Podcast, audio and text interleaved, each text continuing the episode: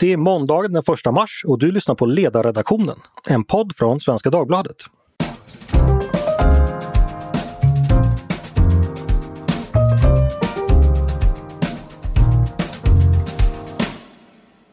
Jag heter Andreas Eriksson. Varmt välkomna till dagens avsnitt av podden.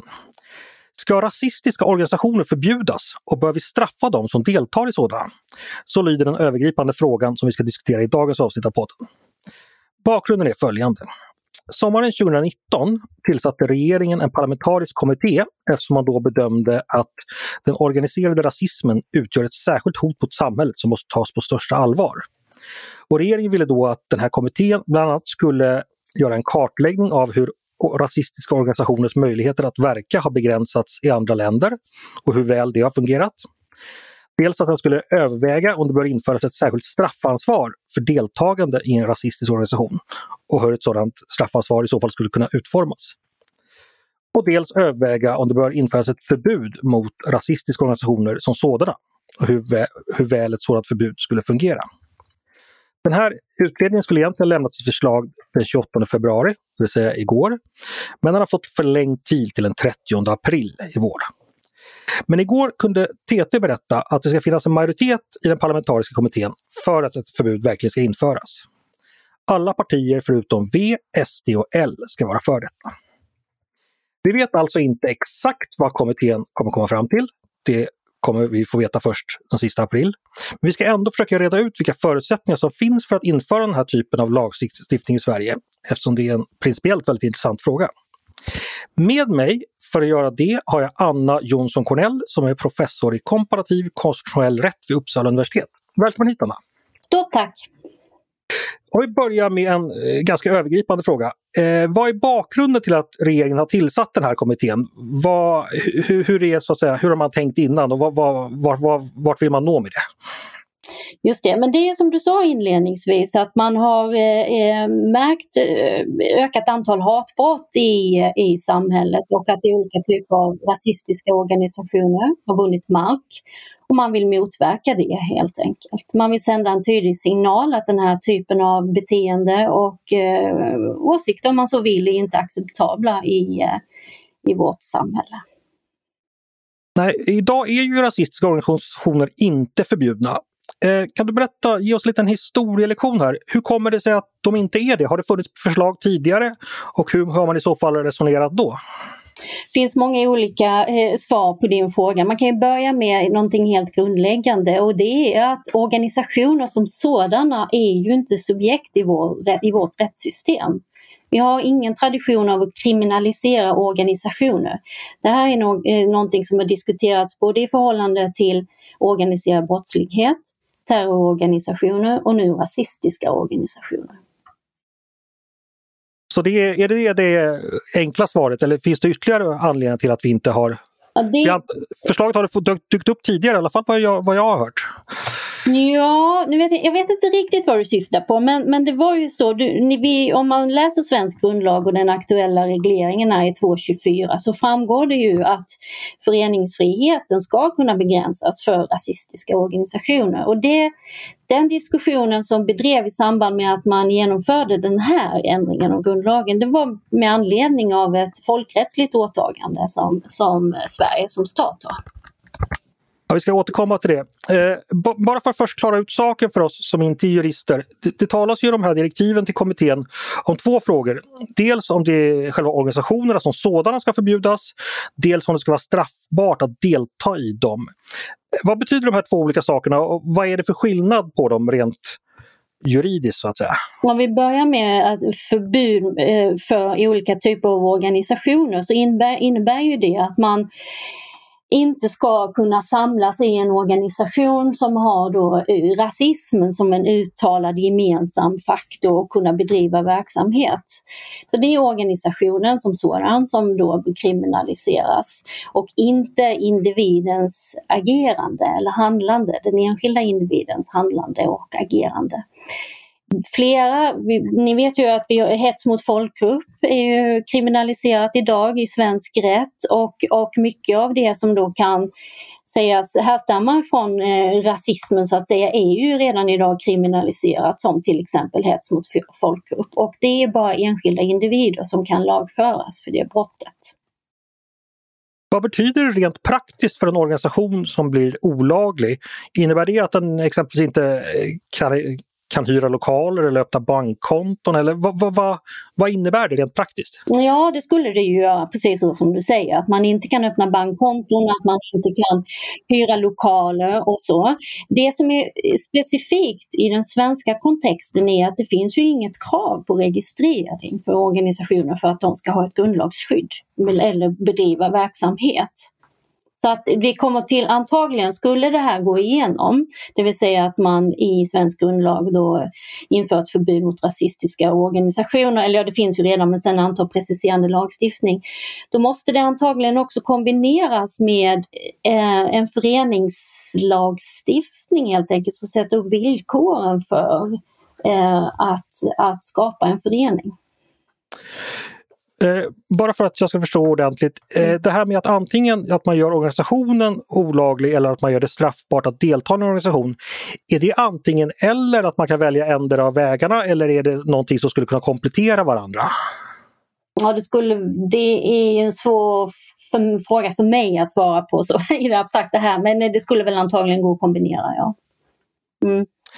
Om vi kollar utåt lite på andra länder. Eh, jag vet att i Finland har man väl infört en liknande lagstiftning. Hur, hur ser det ut på, i, om vi tar de nordiska länderna då först och främst. Eh, var finns sån här lagstiftning och hur, hur ser den ut där? Jag har inte fördjupat mig i den frågan mer än den finska regleringen som du just nämnde, där det nyligen kom ett avgörande från Finlands högsta domstol där man då förklarade eh, finska NMR som olagligt med hänvisning till att eh, den verksamhet som organisationen hade bedrivit var olaglig och att den inte ansågs som acceptabelt i ett eh, eh fritt och öppet samhälle. Så det, det finns ju möjligheter som det här beslutet då, eller domen visar på, absolut. En sak som brukar dyka upp när man diskuterar de här frågorna det är ju att vi har då det som kallas föreningsfrihet i Sverige. Skulle du bara kort kunna sammanfatta, vad innebär föreningsfrihet? Eller vad är det för någonting och vad innebär den för oss som medborgare? Alltså föreningsfriheten är ju helt grundläggande för det öppna, fria, demokratiska samhället. Det är en av våra opinionsfriheter. Men det menar man så att för att du och jag tillsammans med våra vänner, bekanta, meningsfränder ska kunna samlas, eh, diskutera viktiga frågor, organisera oss för att driva vissa frågor i samhället och på så sätt bidra till det demokratiska samtalet och för, eh, för utvecklingen eh, framåt. Det är liksom den bakomliggande filosofiska, ideologiska grunden för det här. Mm. Ja, och sen så, så, såklart, så det finns eh, därutöver så finns det idag i svensk grundlag inget krav på eh, kvaliteten i organisationen eller att den skulle då jobba för enbart så kallade godtagbara åsikter eller något sådant. Det finns inte in. Så att i princip så skulle man kunna bilda en förening för någonting som skulle anses universellt moraliskt förkastligt. Föreningen för att äta upp barn, det har staten inga åsikter om utifrån hur lagen ser ut. Det är ju kriminaliserat. Ja, ja, själva gärningen. Ja, men. Gärningen är ju kriminaliserad. Ja. Men så som det ser ut i, i, idag, det är ju ett hypotetiskt fall, men nej. För att det, det är angivet i den svenska grundlagen eh, när föreningsfriheten får lov att begränsas. Och det är enbart då verksamhet av militär eller liknande natur eller verksamhet som innebär förföljelse av en folkgrupp på grund av etniskt ursprung, hudfärg eller annat liknande förhållande. Det här du nämnde att förföljelse eh, av en folkgrupp på grund av hudfärg och etnisk tillhörighet. Mm. Är det alltså i det sammanhanget ett förbud mot rasistiska organisationer skulle passa in så att säga? Just det, precis. Just det. Mm. För, för ett, ett, förbud mot rasistiska organisationer, det skulle då utgöra en inskränkning av föreningsfriheten. Om, om det råder inget tvivel. Men så säga, frågan är då om det skulle kunna vara en motiverad inskränkning. Är det så man ska förstå diskussionen? Ja, och vad skulle kunna vara exempel på, eller här, vad har vi för inskränkningar generellt i föreningsfriheten? Du nämnde nu militär organisationer. Mm. Kan du berätta om det? Vad, vad, är det för typ av inskränkning? Ja, alltså det, det är en reglering i brottsbalken, eh, 18 kapitlet 4 paragrafen och den kom ju till stånd eh, i mellan, under mellankrigsperioden om jag minns rätt nu. Den syftar alltså till att motverka organisationer som söker bygga upp någon slags eh, ja, terrororganisationer eller paramilitära grupper som, som syftar till eller önskar ta över makten i en stat till exempel. Ja, Okej. Okay. Eh, kan man säga någonting om vad grundlagen säger i övrigt om eh, möjligheten att inskränka föreningsfriheten? Finns det något allmänt resonemang om vilken, vilken typ av... Man talar exempelvis att de här grupperna utgör ett hot mot demokratin. Skulle det i sig kunna vara tillräckligt för att inskränka föreningsfriheten? Nej, det är inte tillräckligt.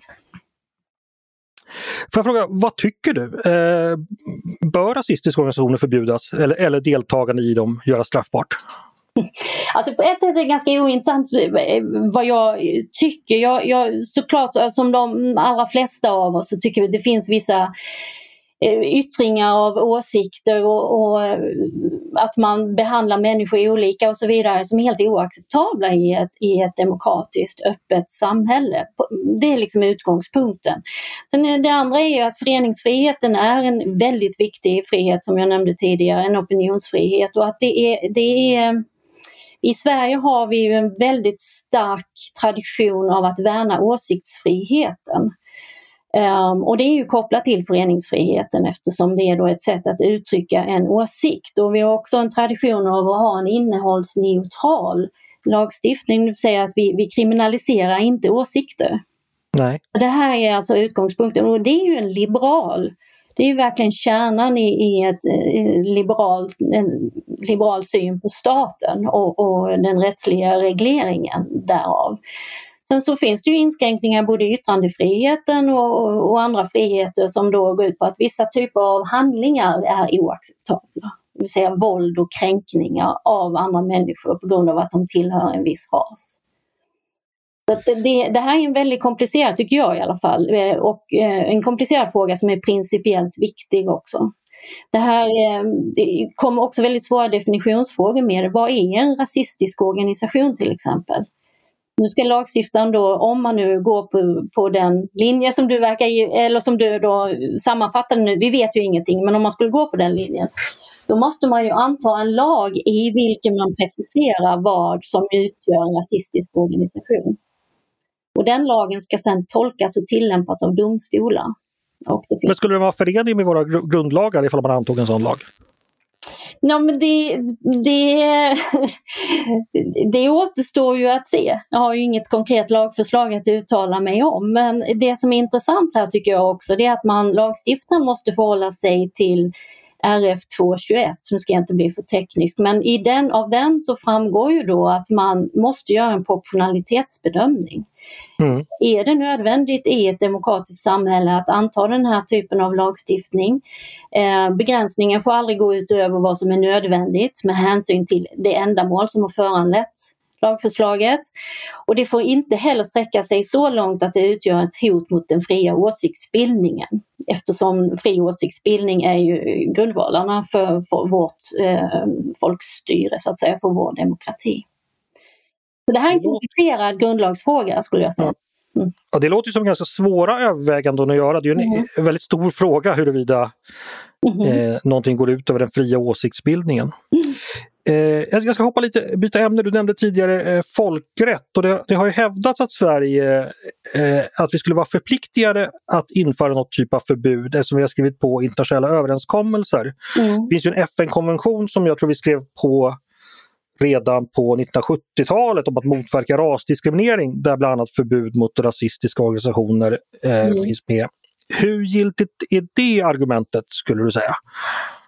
Ja men det är ju i allra högsta grad giltigt i bemärkelsen att såklart så ska vi fullgöra våra rättsliga förpliktelser. Det finns olika sätt att göra det på. Mm. Och eh, jag, tidigare har den svenska lagstiftaren sagt att det har varit tillräckligt med den kriminalisering av till exempel hets mot folkgrupp som vi har och, och andra eh, straffrättsliga åtgärder för att motverka eh, kränkning då av, på grund av eh, ras eller etnisk tillhörighet.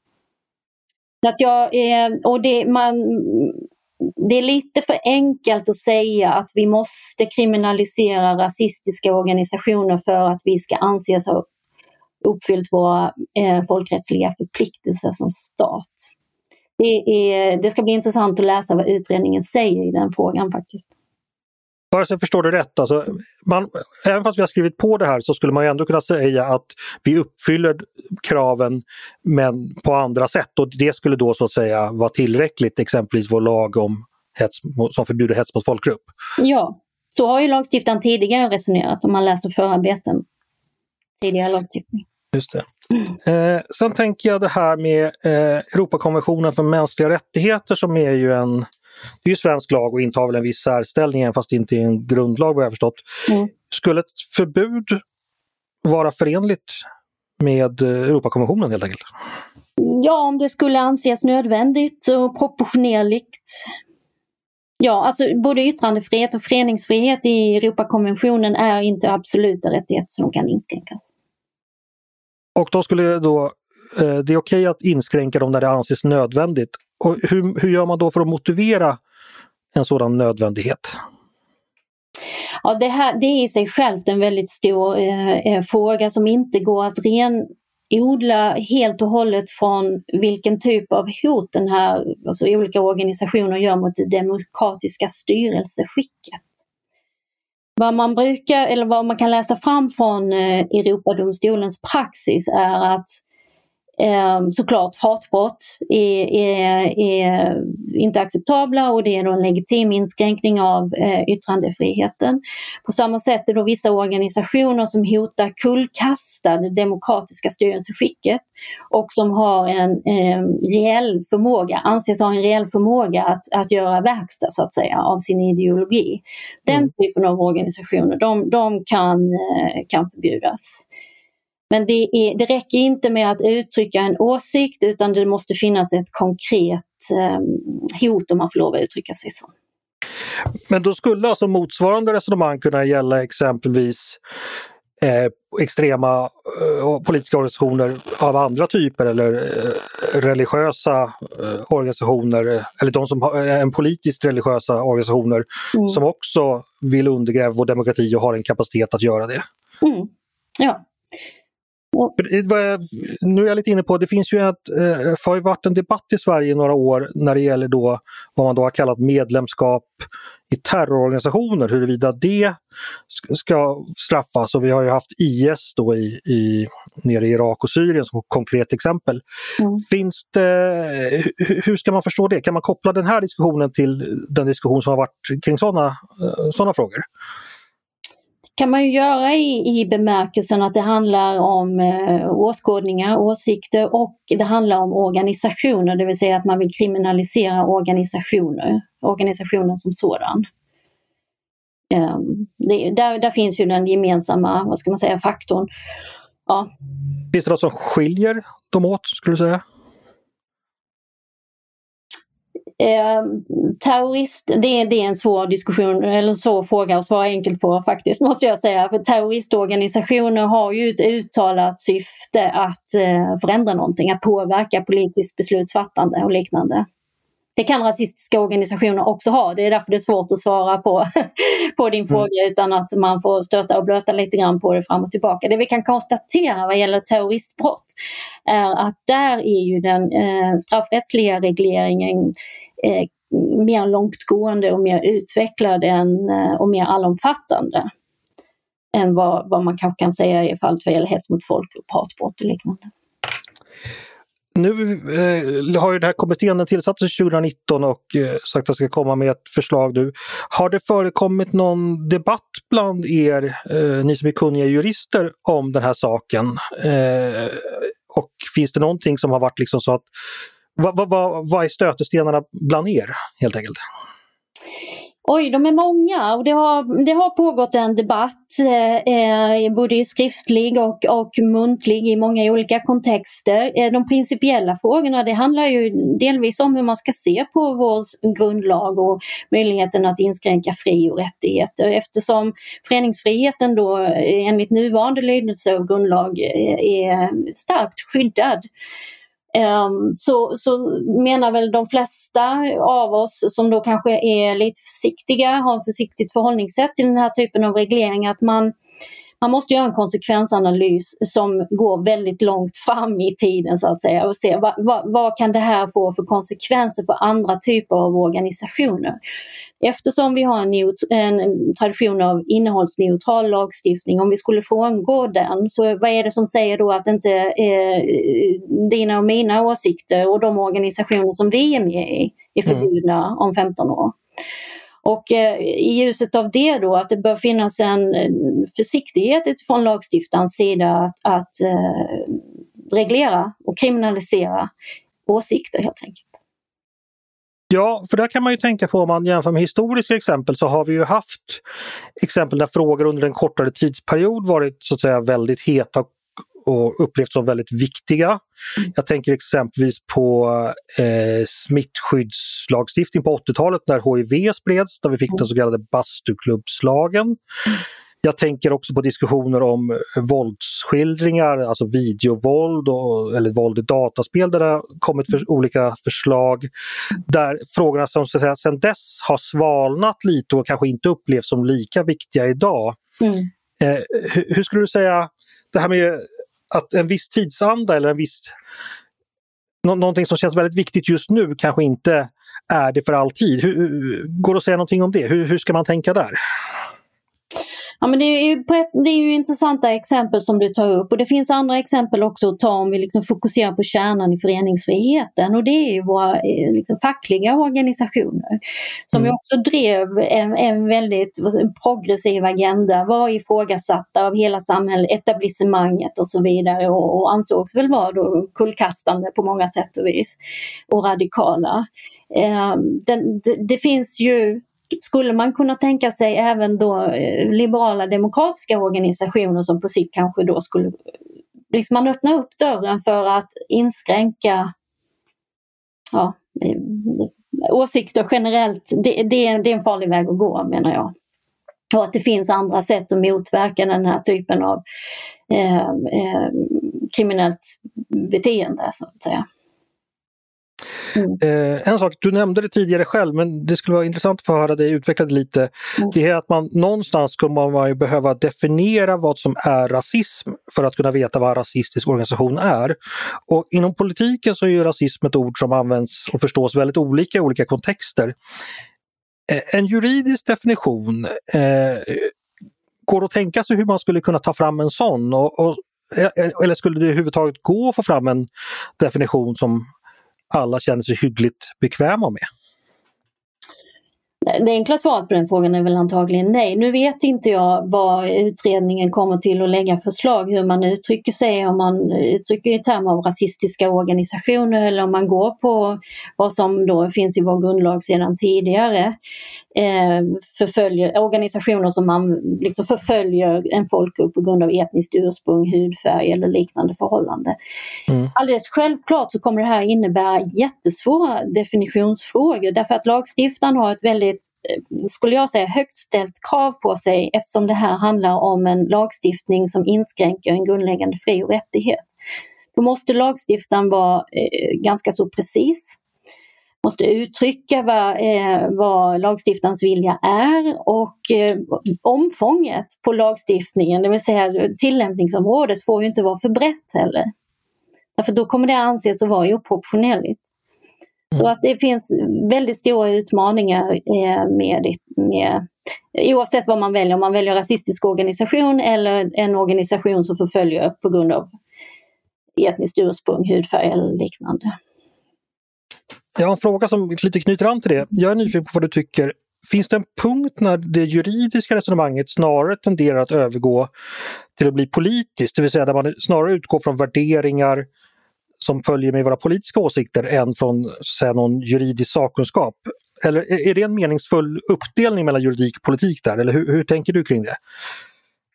Ja, det är ju, det är ju en Det är ju en jättesvår och eh, eh bra fråga. Jag, experter på juridik och grundlag och liknande, när man tar ställning till den här typen av frågor så, så ofta så utgår man ju från liksom det lagtekniska. Är det här genomförbart? Är det rimligt? Är det proportionerligt? Kommer det leda fram till det resultat som man önskar att uppnå? Mm. Det är ju liksom så som vi förhåller oss till frågan och sen där så lägger man ju på ytterligare ett raster, det vill säga vad är den principiella betydelsen av den här regleringen konstitutionell rättsligt. Politiker måste ju på något sätt, tycker jag i alla fall, man har ju ett krav att förhålla sig till grundlagens struktur. Det måste man göra och den systematik som är, är, är inbyggd i grundlagen, särskilt då vad gäller begränsning av fri och rättigheter. Sen så, så det är ett svar på din fråga. Det andra svaret skulle kunna vara, är, och då om jag får tillåta mig att kanske säga det, är det här en symbollagstiftning? Mm. Om det är så, eh, jag säger inte att det är så, det är inte det jag säger, men jag säger att man kan ställa sig frågan. Då, eh, och om de flesta jurister skulle säga att det finns svåra utmaningar, eh, svåra tillämpningsproblem med en sådan lagstiftning, ja, då, då, har ju, då måste ju lagstiftaren ta ställning till om man tycker att symbolvärdet är så viktigt att man kan åsidosätta de invändningar som rättsvetare och jurister eh, kommer med vad gäller det lagstiftningstekniska och tillämpningssvårigheter. Och bara så jag begriper, vad är en symbollagstiftning? Det, det, är ju som när lagstiftaren vill sända en signal till samhället. Säga att den här typen av beteende är inte acceptabelt. Jag tror att de flesta av oss kan skriva under på, liksom, vi, kan, vi kan se att det finns, det, vi förstår det argumentet. Men sen måste man, kan jag mena då, som ansvarig lagstiftare också ställa sig frågan, kan vi uppnå ändamålet det vill säga det vi vill uppnå, kan vi uppnå det med den här lagstiftningen? Och om det är tveksamt om man kan uppnå det som man vill åstadkomma med lagen, men ändå driver igenom den, då är, ska säga, det en symbollagstiftning primärt. Då. Ja, okay. Kan inte syftet med lagen vara just att vara en symbol, att skicka en signal enbart? Jo, jo na, ja, och då kommer vi in på mm, intressanta, tycker jag i alla fall, rättsteoretiska frågor. Är det så man ska använda lagstiftningen? Eh, och vad innebär det om vi använder lagstiftningen på det sättet?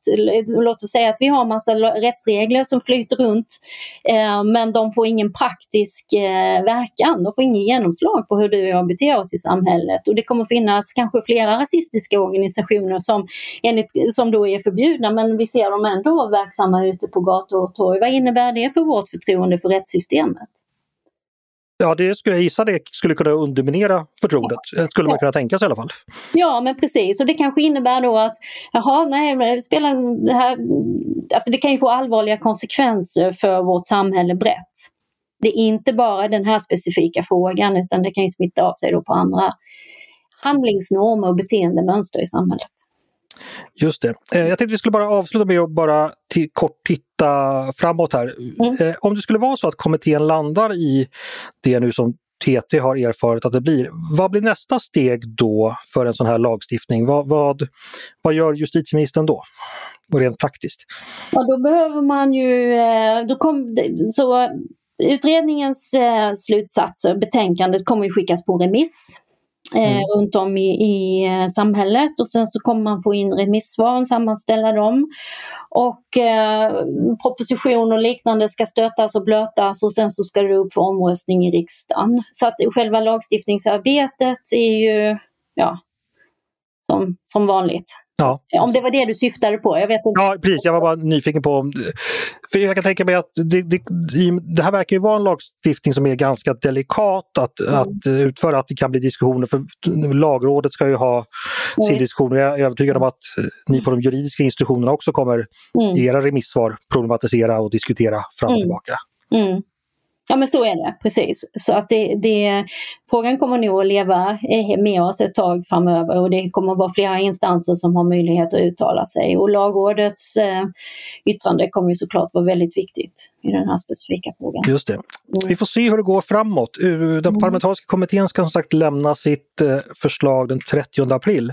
Mm. Stort tack Anna för att du vill vara med och hjälpa oss att klura kring de här frågorna. Tack själv. Nu har, ni har lyssnat på Ledarredaktionen, en podd från Svenska Dagbladet. Ni är varmt välkomna att höra av er till oss på redaktionen med tankar och synpunkter på det vi har diskuterat precis. Eller om det är så att ni har idéer och förslag på saker som vi borde ta upp i framtiden. Då är det bara att mejla till ledarsidan snabel svd.se. Tack för idag hörni! Producent har varit Jesper Sandström och jag heter Andreas Eriksson. Jag hoppas vi hörs snart igen.